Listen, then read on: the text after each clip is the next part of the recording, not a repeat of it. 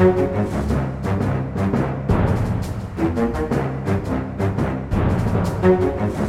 nei, men Så fint. Da er vi i gang med denne ukens, eh, årets siste Aftenpodden. Et eh, slags eget lite juleselskap som, eh, som kan passe inn her. God morgen, god morgen, Trine Eilertsen. God morgen, god morgen. God dag, god dag, Kjetil Astheim. Hallo. Eh, Sara Sørheim er opptatt med eh, det verdige foretaket juleferie. eh, Og det var jo i hvert fall noen av oss også, men, men det er jo så få selskaper og festligheter i denne jula at vi tar de vi kan få. Vi tar de vi kan få, Ja, så her sånn- sitter vi med er avlyst. grå gardiner og skjenkenekt og ja, sånn som mange andre juleselskap kommer til å bli i år. Ja. Ja. Så nei, nei, vi tenkte Vi, vi diskuterte jo forrige uke om vi, om vi skulle om vi, om vi hadde noe denne uka her òg. Og eh, det, falt sånn, det var i hvert fall hyggelig Mm. eh, å, å møtes, så vi får oppsummere litt og, og se hva som har skjedd den siste uka. For det har ikke vært helt stille. eh, Og kanskje se litt framover. Og, og, og, la oss liksom synke sakte inn i jula, da. Og, kanskje løse noen eh, juledilemmaer, eller eh, diskutere noen juleaktuelle spørsmål. Mm. Men eh, aller først så får vi bare si eh, at eh, altså ved en inkurie, det er journalistspråket for sånn flaue tabber og bare kløning, det står ofte i en sånn rettelsesspalte, sånn ved en inkurie omtalte vi en person som ja, noe galt eller et eller annet, så, så kløna jeg det til forrige uke. Da jeg skulle legge ut forrige ukes podkast, så har vi, jeg fant ut at nå har vi holdt på så lenge at plutselig så er det flere podkaster fra samme dato. Så hvis det var noen som kom til å være litt sånn tidlig på'n eh, sist uke og høre veldig langt i episoden fra 16. desember 2016, eh, så jeg bare beklage.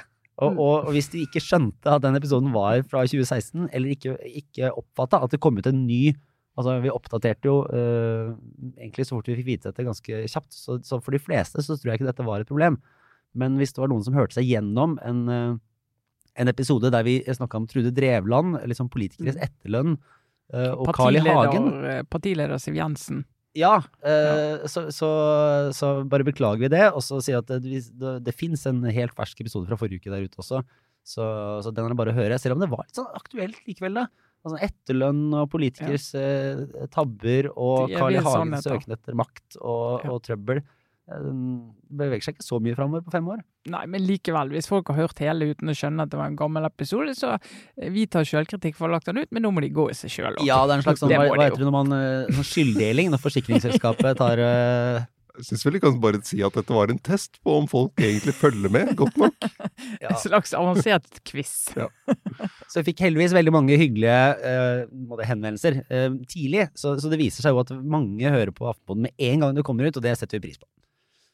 Så da får vi se om vi klarer å levere noe også denne uka. Eh, vi lurte jo på i forrige uke, Kjetil, på om eh, politikerne kom til å levere på prøven og, og bli ferdig før juleferien, Mm. som er et insentiv som, som virkelig leverer. Ble de det? Ja ja. Det er jo få ting som er like motiverende eh, for å få noe gjort som det å rekke å bli ferdig i tide til ferien. Så det rakk de jo. De fikk eh, Det som var avgjørende, var jo det å få mm, på denne strømstøttepakken, var at det er Der måtte de gjøre en, eh, et lovvedtak på Stortinget, og da må det være tre dager imellom. Så de eh, rakk da å eh, å få på plass en enighet mellom regjeringspartiene og SV eh, på, som de presenterte fredag morgen, og så kunne Stortinget behandle det på fredag, og så kunne de behandle det andre gang på tirsdag, og så kunne de ta juleferie. Og da er det jo, det er mye forskjellige uh, juleferieløsninger, men uh, jeg har altså et uh, sant, men ubekreftet rykte om at statsministeren han var ute i går og shoppet. Han var på Bull ski og kajakk, en sportsbutikk her i Oslo, og kjøpte seg langrennsbukse. Nettopp. Ja, men Det er godt å høre at han kommer Så seg han er i gang. ut. Mens SV-leder Audun Lysbakken, han sitter altså isolert og får koronahjul. Han er en av de. Han la ut bilde av at de hadde laget pepperkakeversjonen av rekkehuset de nå er eh, i karantene i. Han Altså, kunne lagd en pendlerbolig. Ja. Ja, der tenner vi et lys. Jeg, jeg har aldri klart å lage pepperkakehus hjemme hos oss. Men jeg ser det er en del som eh, nå har mer enn tid til det. Så Ja, Ja. og eh, utførlige, fine arkitektoniske verker også. voldsomt. Voldsomt. Det må jeg si, altså. Men eh, Audun Lysbakken også. Brann rykket ned og eh, koronahjul. Jeg vet ikke. Det er noen politikere som er mer imot Bakken enn han akkurat nå. Hey, Nei. men eh, Ja, men samtidig, altså hvor SV er plassert nå, politisk sett, eh, med I dette høsten bildet er jo dette en, en, en bagatell. Ja, for de fikk påvirkning her også. Ja, altså alt som har eh, av, De har jo inngått denne budsjettavtalen i høst for eh, neste år. Og det betyr at alt som har konsekvens, budsjettmessige konsekvenser, og som koster penger, det må regjeringspartiene gå til SV for å få avklart. Så Mm. de har vi sett det da med strømstøttepakken. Og så vil vi se det nå, ser vi det i diskusjonen om lønnsstøtte med koronatiltak, og, og alle de andre kompensasjonsordningene og støtteordningene, kulturliv og alt det der, som jo fortsatt ikke er lagt frem for Stortinget. Det er bare et sånn vandrende seminar om hvordan støtteordningene skal bli. eh, Men som kommer da rett over, eh, over nyttår. Og der SV får en, en sentral rolle der òg. Hva var det de fikk dytta gjennom nå, da, i de rundene som var? Eh, nei, det var eh, den strømstøttepakken der de har vedtatt eh, lovdelen av det, og så må de vedta over nyttår må de vedta pengedelen av det, altså bevilge penger til det. Og så var det jo den runden om lønnsstøtte til bedrifter som jo skapte litt drama i helgen. Ja, og det ble jo en egen liten runde der, der finansminister Trygve Slagsvold Vedum fikk vært i, både i Stortinget og i NRK, og, og i etterkant fikk høre det, eh, både av kommentatorer, som eh, kanskje tilfeldigvis sitter i dette rommet, og av, eh, av ikke minst eh, Frp-leder Sylvi Listhaug, som, eh, som først gikk eh, langt i å mene, eller spurte om han hadde feilinformert Stortinget, noe som jo er veldig alvorlig. Eh, og han måtte inn en runde og forklare seg en gang til. Hva var det som egentlig skjedde der? Eh, Det var eh, På fredag kveld eh, forrige uke så var Vedum i Stortinget og for å fortelle om den lønnsstøtteordningen som regjeringen da jobber med og ikke har lagt frem ennå. Og kom med noen, noen detaljer altså, som handler om at bedrifter i stedet for å permittere de ansatte På grunn av koronatiltak. koronatiltak, så Mm. kan de beholde dem, og så kan de få støtte ut fra lønn. Og så sa han og så sa, Da kan du gi 80% maks 80% av lønn, og så satte de et makstak per ansatt på 30 000. Og så uttalte han seg i stortingssalen som at det var øh, dette var så langt de kunne gå ut fra det regelverket som Norge er øh, knyttet opp til gjennom øh, EØS-avtalen, og da EFTAs, ut fra EFTAs overvåkningsorgan i Brussel, som passer på at Norge følger de reglene.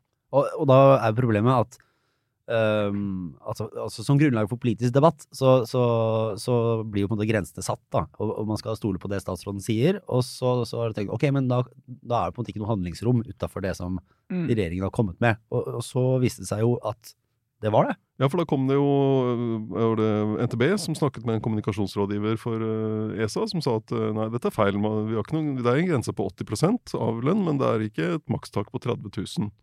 Eh, Så det skapte da litt røre gjennom helgen, og så var det samtale mellom regjeringspartiene og SV på mandagen, og så ble det jekket opp til 40 000. Så det var jo eh, Man kan si at var det så nøye at Vedum eh, uttalte seg sånn som han gjorde? Og det var det jo, fordi hvis man ikke hadde fått avklart at det var mer å gå på innenfor regelverket, så kan det tenkes at det endte på 30 000. Nå blir det jo 40 000 som er makstak, og eh, som er vesentlig mer da, for de bedriftene som skulle vurdere, og de måtte vurdere nå, altså denne uka, om de skulle permittere eller ikke. Men det er jo, altså, for Vedums del, ser jo at hans egne partifolk prøver jo å spinne dette helt ut inn i verdensrommet, egentlig.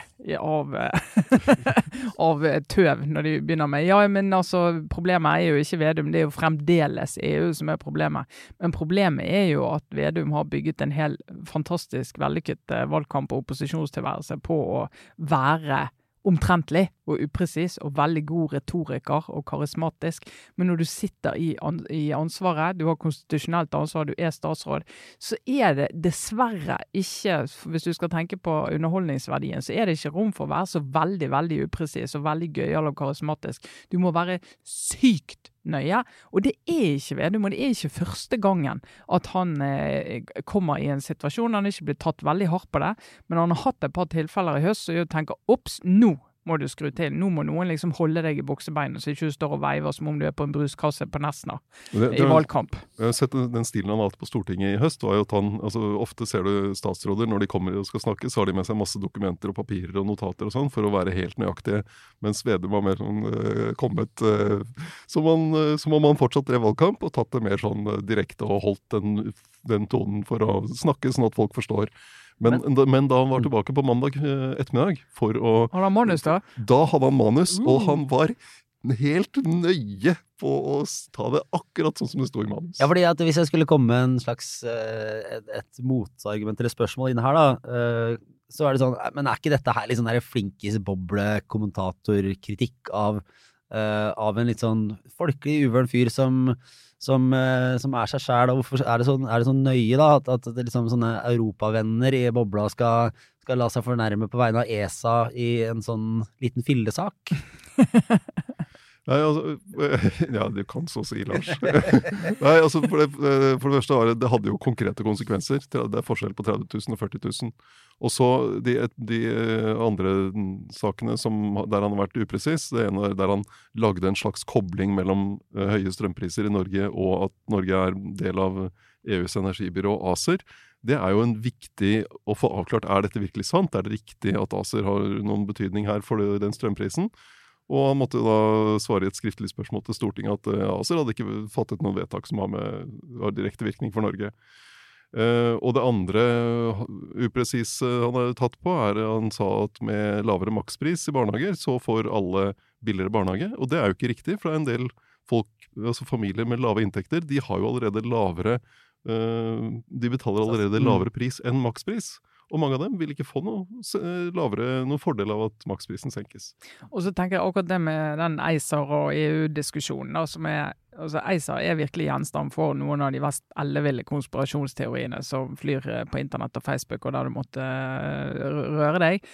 Eh, og våre ansvarlige politikere skal ikke bidra til at uh, feiloppfatninger, misoppfatninger og feilkoblinger lever der ute. Hvis de har muligheten til å korrigere det, så skal de gjøre det, syns jeg. De skal være presise. Og når du er statsråd, du er finansminister i en norsk regjering, så skal du i hvert fall ikke ha sånne halvkvedete eh, formuleringer hengende der ute, så den gjengen der kan ta tak i og si ja, men sjøl han sa jo det, han må jo vite det. For det er jo det som skjer. sant? Så der syns jeg faktisk det Vedum er i en annen rolle, det må han ta inn over seg. Litt kjedeligere, selvfølgelig, men eh, hepp, hepp.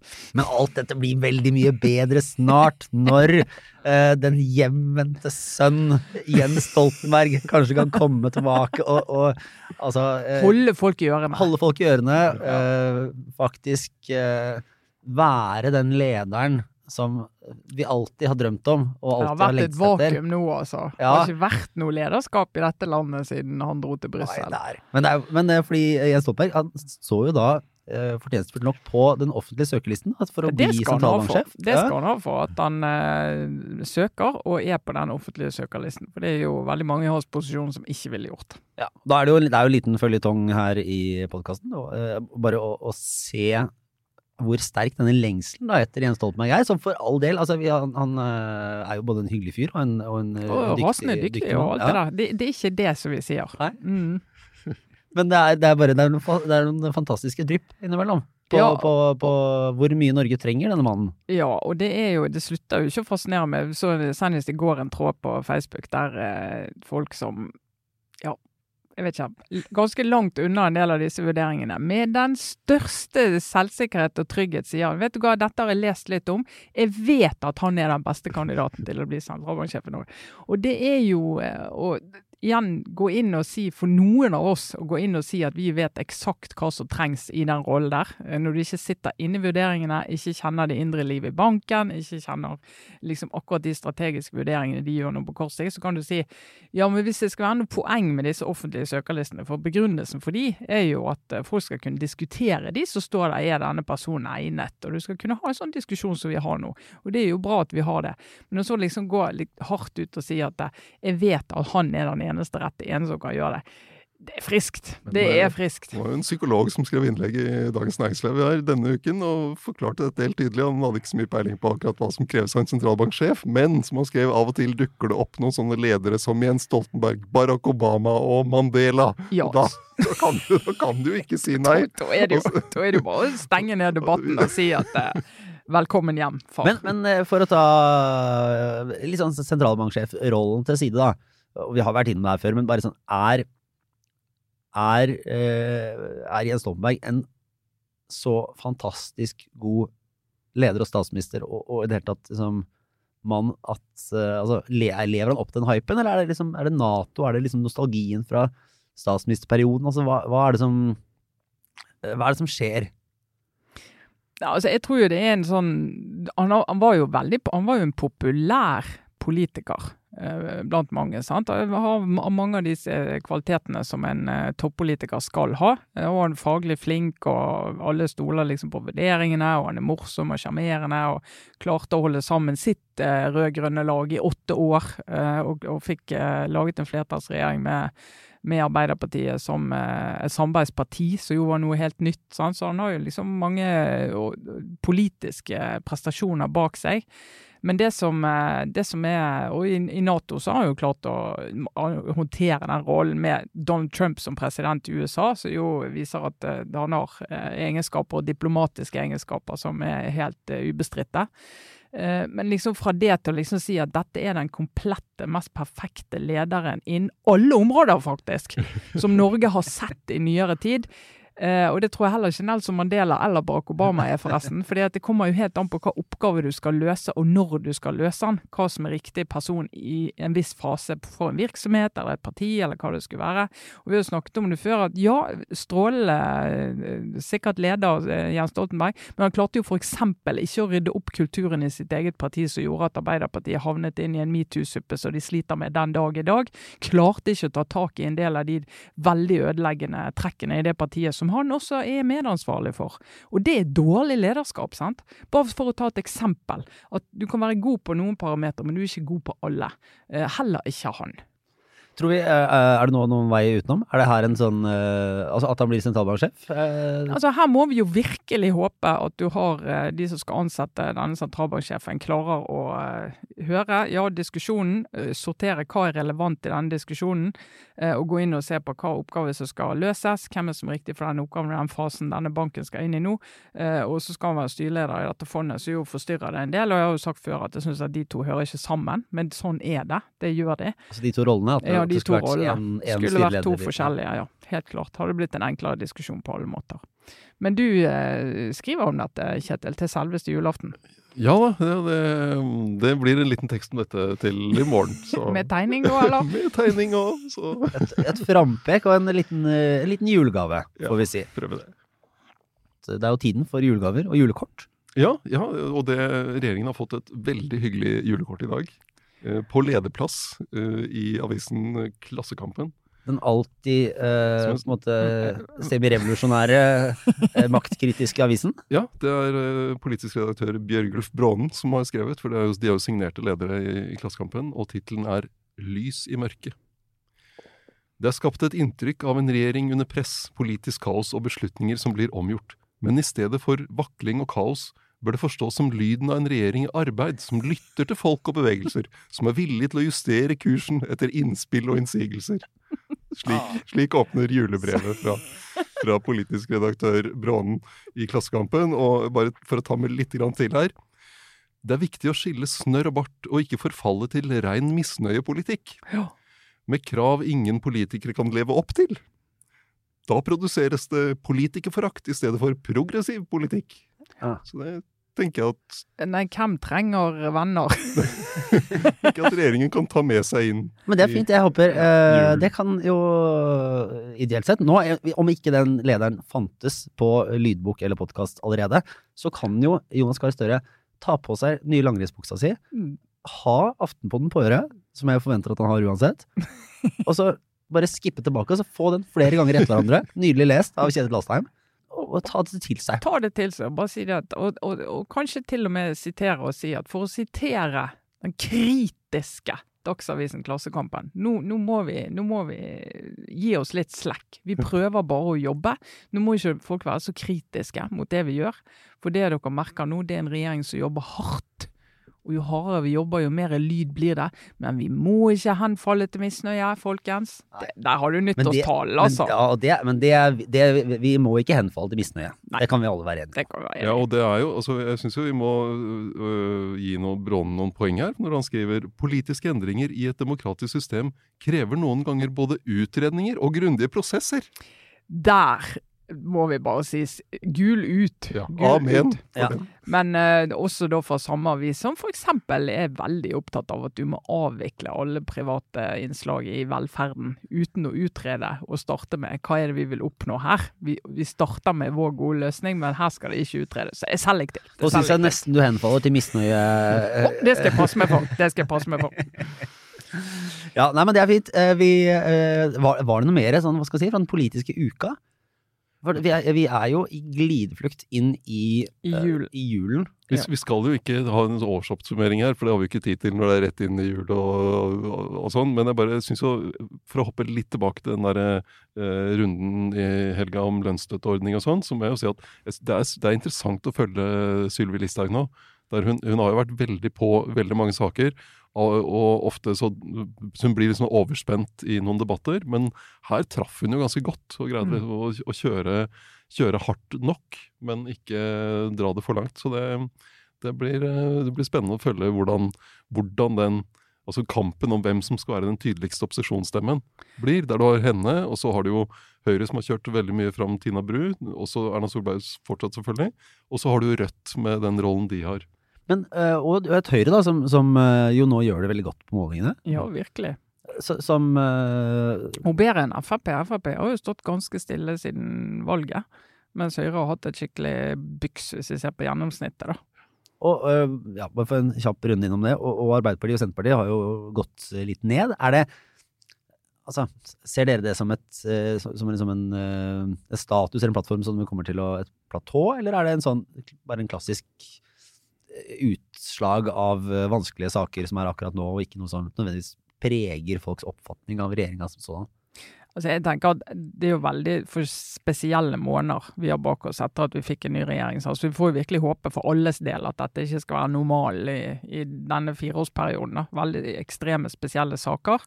Og så er jo eh, regjeringen er jo preget av altså Den forrige regjeringen fikk jo jobbe i et par år før den første krisen kom. Fikk satt seg. Eh, statsrådene var erfarne. Eh, så kom flyktningkrisen, men da hadde de liksom holdt på i, i noen år. Mens her går du på jobb, og veldig få av de som sitter i regjering nå har statsrådserfaring. Eh, har ikke styringserfaring. Kommer rett inn i det. Og jeg snakket med en eh, byråkrat her om dagen som sa det at vi merker jo det, at vi har uerfarne statsråder.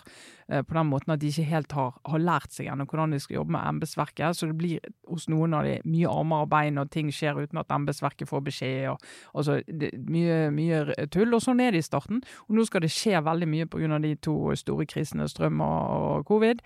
Sånn at de kommer på jobb, og så får de krisene i fanget. Og så blir de jo litt sånn famle, og så sier folk det her eh, Det her eh, er ikke like dette stoler ikke vi like mye på som det vi hadde. Sant? Det er jo litt reaksjonen fra en del av de som i hvert fall da gir Erna Solberg en eh, skikkelig klapp på skulderen på meningsmålingene. Og så er det jo den andre gjengen da som eh, er ute i rødt og sier at uh, misnøyen er overhodet ikke over, eller, eller eh, landet. Mm. Og så er det nok litt eh, Altså, den, den budsjettforhandlingsrunden med SV eh, tror jeg nok eh, også regjeringspartiene ikke kom helt godt ut av. SV kom, godt ut av det, men, men det ble en sånn det at, de ikke, at ikke Arbeiderpartiet og Senterpartiet f.eks. oppfylte det løftet om feriepenger til eh, arbeidsløse og permitterte i sitt forslag, men måtte, altså det kom først etter forhandlingene med SV, det tror jeg nok eh, var, eh, ikke var så klokt av dem. Jeg skjønner at var, liksom, de måtte la noe ligge igjen, men likevel så ble det da skapt et inntrykk av at de, de brøt et, eller ikke ville oppfylle et sentralt løfte. Ja, jeg tror når vi er tilbake etter nyttår med fullmann, så skal vi se litt sånn inn i den klassiske glasskula og hva Mm. som skal være 2022. Så nå tror jeg vi bare ser inn i neste uka, og da er det jo alltid en Altså, det er noen debatter som går igjen. Ikke minst eh, den store debatten om, om julefilm og, og hva man skal gjøre. Og denne jula så sitter jo noen, da, eh, som Audun Lysbakken eksempel, i karantene. Andre sitter jo bare og følger reglene, som jeg håper alle gjør, og har eh, færre sosiale kontakter, eh, mindre juleselskaper. Se mer på TV. Se mer på TV. Mm. Uh, så da, da Dette her er runden. Uh, og Kjetil, jeg visste ikke at du har et eller annet høykulturelt å bidra med på julefilmfronten. Hva, hva sitter dere og, og ser? Eh, nei, det er ikke høykulturelt i det hele tatt, Uh, men uh, pleier å se, ta på oss høyhalset genser og se Love Actually. Hvis, Ja. man, hvis man først begynner å legge merke til hvor mange høyhalsede gensere det er i den filmen, så, Ja, Så det er uniformen til Love Actually. så Ja. det Men det, det, er veldig, det er jo veldig interessant. Det er jo på mange måter jeg sier, folkelig og, og helt si, innafor vanlig brett. Mye breiere enn mye, mye annet du driver med. Uh, men, men, er, men, er, er, men er det helt greit? Er ikke den filmen er- Den er jo midt Den er alltid midt Altså, i en er sånn den grei eh, etter metoo, er det det du tenker på? Ja, ja, etter metoo. det er- Det, det har har vært noen sånne kulturanalyser av er den filmen som, som eh, har vært veldig krasse de siste åra. Mm. Er du litt sånn Føler du at Representerer du den filmen? Altså ikke sånn Men er du, er du, er du en forsvarer av filmen, eller er dette et sånn uh, det, det, det er litt sånn å forsvare altså, Det er som å se på julepynten din, og så er du en forsvarer av all den julepynten. og det, det er jo, du er jo ikke nødvendig Jeg har eksempel en, en, en nisse som henger på juletreet hvert år. Den er, den er ganske høy, sånn 15-20 cm høy, så den er ganske dominerende og veldig glorete. Men den kjøpte jeg på, da jeg var i Polen på et sånt klimamøte før jul en gang. Så det er Polen-nissen, og den skal være med på Ja, juletreet. nettopp. Ja. Det, Men det der det er veldig veldig godt uh, poeng, Kjetil. Og veldig god, uh, godt bilde på det. Kan du forsvare den julepynten? Du har jo tradisjoner og ting du tar med deg i julen, og andre ganger òg, som du det, det ble skapt da. Det hørte hjemme der.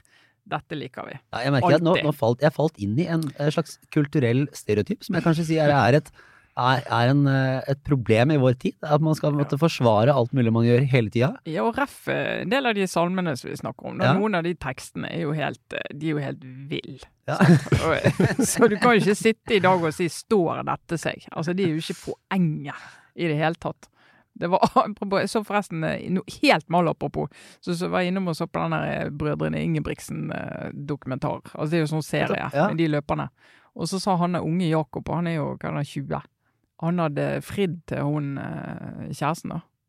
Og det han hadde gjort, han hadde, han hadde gjort det for han syntes det var litt viktigere, sånn at det var litt formelt, så han hadde gått og spurt faren, foreldrene, om han fikk lov å gifte seg. Og da bare tenkte jeg, i 2021 er, sånn, er, er det noen som driver med det i vår eh, del av eh, Ja, nei. Det, det får vi ikke håpe. Men altså, eh, nei, julefilm Jeg også liker jo veldig godt den filmen. For jeg liker jo veldig mange filmer som er litt sånn Hugh Grant-humor eh, fra den perioden der. Notting Hill og Four Weddings and a Funeral og alt det der. Syns jeg står seg fenomenalt bra over tid, alt sammen. men jeg ser ikke den filmen hvert år, det gjør jeg ikke. Men det er da jeg har fått, merker jeg en tradisjon på de, å se disse her julekalenderne for barn, og det er jo fordi jeg har barn. Eh, og nå sitter vi og ser eh, Kristiania Magiske Tivoliteater. Som har vært ganske mørk, må jeg si. Ganske mørk. Altså strålende, strålende serie, men litt sånn at uh, ungene blir nå- er det to dager igjen til jul. Hvis ikke det nå snur for disse fattige barna i Kristiania Vi satt og snakket om de går til middag, og de, de litt sånn Hvis ikke det nå snur, så rekker de faktisk ikke å redde teateret før julaften. Så nå, nå må det skje noe her. Så det er litt sånn du har begynt å kladde på en klage til Kringkastingsrådet? Ja, den Hvis ikke hvis, hvis dette Og så sier plutselig min ene sønn Ja, men må alle filmer ende godt? De, de, de må jo ikke det, for da vet jo jeg Det er jo ikke noe spennende, det. Hvis jeg vet at det ender godt. Bare sier jeg, Nei, nå må du gi det. Det er klart de må ende godt. I må vi, godt. vi, vi kan ikke ha den usikkerheten gående, da. Ja. Men vi sitter og ser Snøfall parallelt. Nettopp, ja. Så da ser vi jo liksom hvordan denne dramaturgien, sant, som jo er i alle filmer og serier, at liksom først så blir du kjent med karakterene, og så møter de motgang, og så skal de enda mer ned i motgangen, så skal de skrape langs bunnen i denne motgangen, og så er det hvor lenge kan de skrape med motgang? Og i Snøfall så er det jo å finne Ju- Julius, da, julenissen, som er forsvunnet i skogen. Eh, Sånn at han rekker å dele ut gaver og gjøre det han skal på julaften. Og der også begynner det å bli litt sånn nå, Det er to dager igjen til jul. Nå, nå må det snu! Det må snu! Ja, nettopp. Ja, ja, nei, jeg må se da Ja, for min del så er det jo Det står mellom en sånn Mellom Die Hard, eh, som jo mener er en julefilm, eh, og der vet jeg at jeg har eh, Erna Solberg med meg. Men, men er, det, er, det, er det uenighet her om hvilken Die Hard det er? Er alle de satt til jul, jul på en måte? I hvert fall de to første. Ja. Jeg er litt usikker på det siste, for den, eller de to siste. Men det er, de to siste da begynner å uh, røyne litt på uansett. Men de to Ja. første uh, mener jeg er uh, solid, og den aller første er definitivt den mest julete, mener jeg, og, og selvfølgelig den Du får julestemning av det. Ja, ja, Ja. det er Ja. fint. Og da kan jo egentlig folk bare, når de ser, hvis de skal se den i jula, så kan de bare tenke seg i stedet for Bruce Willis at du har Jens Stoltenberg i rollen. Ja. Så skjønner Ja. du egentlig Ja, da hvorfor han må bli sentralbanksjef. Altså, hvis noen skulle lure. Hvis, ja, ikke sant. Det er, det er veldig eller, eller eventuelt, hvis du vil uh, Jeg vet ikke hvem da som skulle gått inn i min andre julefilm, som er uh, altså Hjemme alene. Hvem som skal ta Macaulay Culkins rolle i den.